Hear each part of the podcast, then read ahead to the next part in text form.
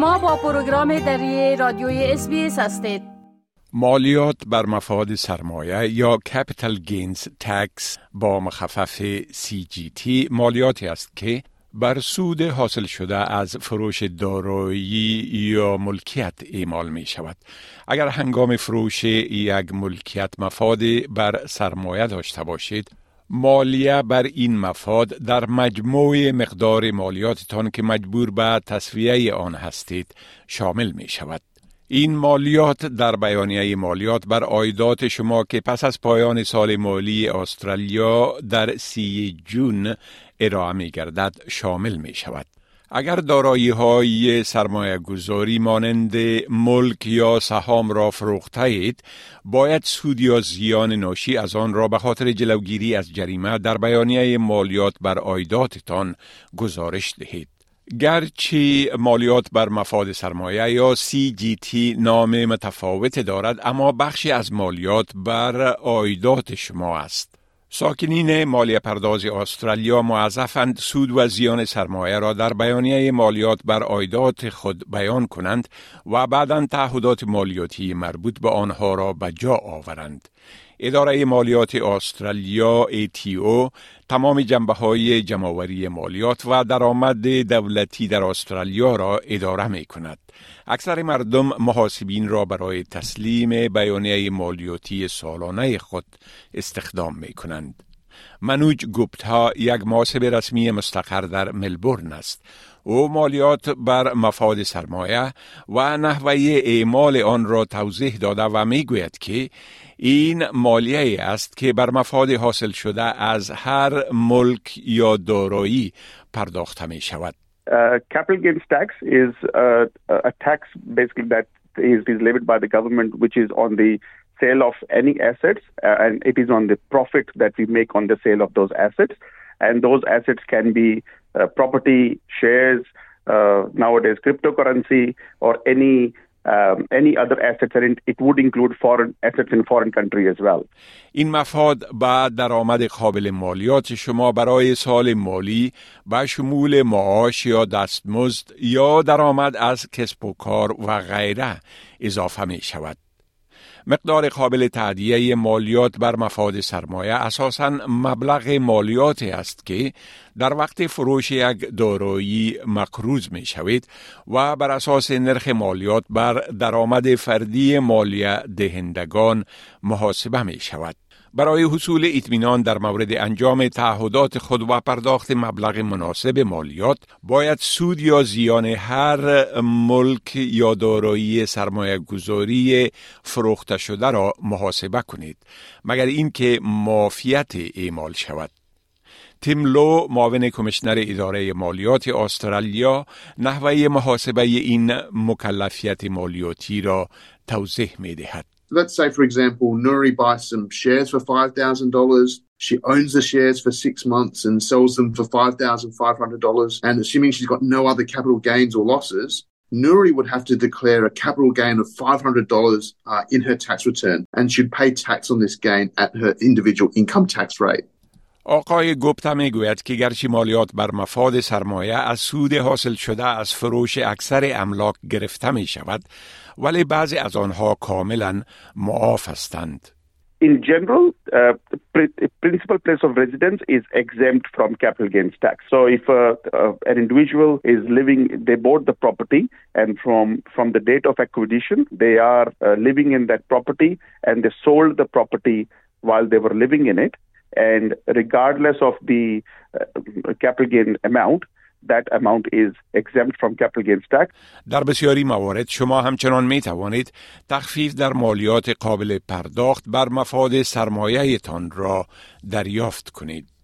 وقتی یک ملک یا دارایی خود را می فروشید اگر حداقل دوازده ماه مالک این ملک و مقیم مالیاتی استرالیا باشید می توانید مالیات بر سود سرمایه خود را 50 فیصد کاهش دهید.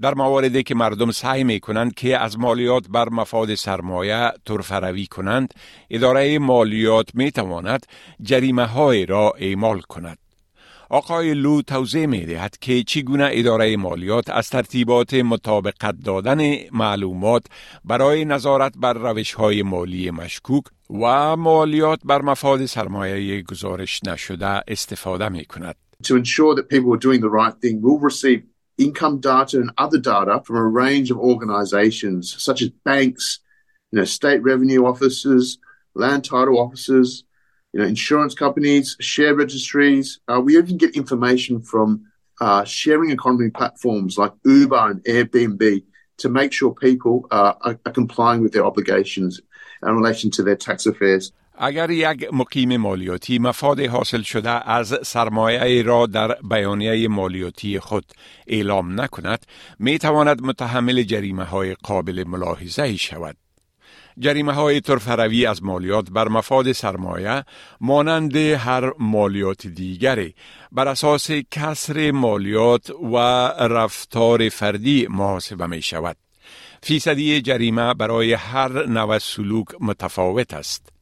اداره مالیات استرالیا علاوه بر جریمه ها همچنان ممکن به خاطر مالیات پرداخته نشده سود بگیرد. آقای لو می گوید که جریمه ها با در نظر داشته هر قضیه می تواند از 25 تا 100 فیصد کمبود مالیات باشد. If you are engaging in tax evasion, the penalties can be significant. It really depends on the type of behavior that you're engaging in. Now, if you've made an honest mistake um, the penalties aren't going to be significant. But if you're deliberately gaming the system and deliberately avoiding your obligations, there are significant penalties that range depending on the behavior. توجه به این نکته مهم است که مجرمان عمدی و تکراری همچنان ممکن با تعقیب جنایی مواجه شوند.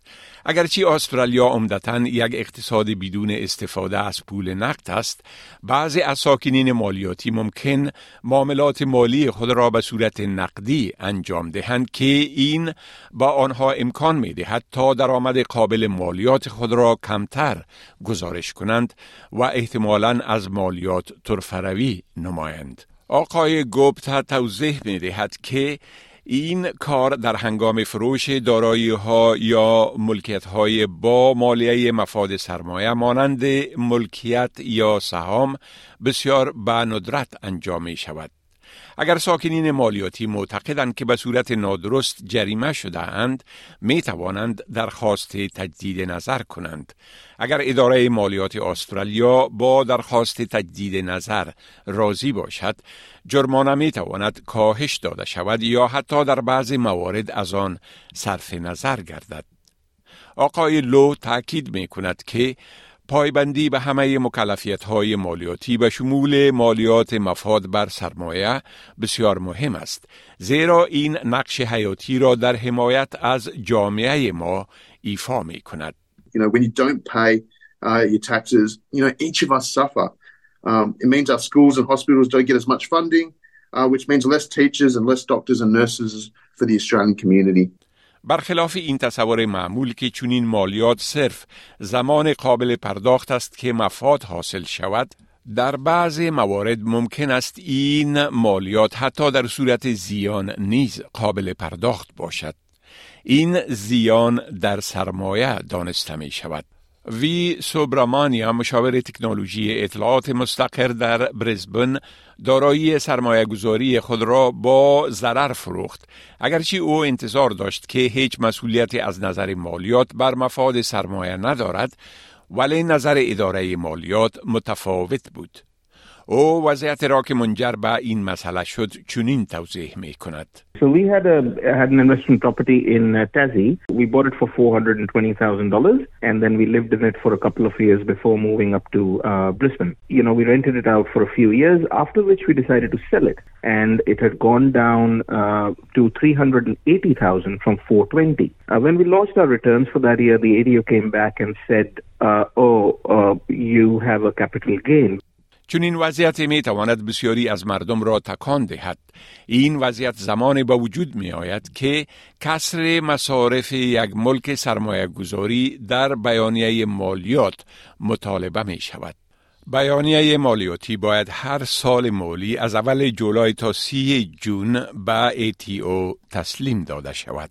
اگر مکلف به تکمیل بیانیه مالیاتی باشید باید آن را تا 31 اکتبر تسلیم کنید یا یک نماینده یا محاسب مالیاتی را معذف بسازید وبسایت اداره مالیات یا ATO معلومات مفید را در مورد همه موضوعات مربوط مالیات به 36 زبان به شمول زبان دری فراهم می کند. می خواهید این گناه گزارش ها را بیشتر بشنوید؟ با این گزارشات از طریق اپل پادکاست، Google Podcast، Spotify و یا هر جایی که پادکاستتان را می گیرید گوش دهید.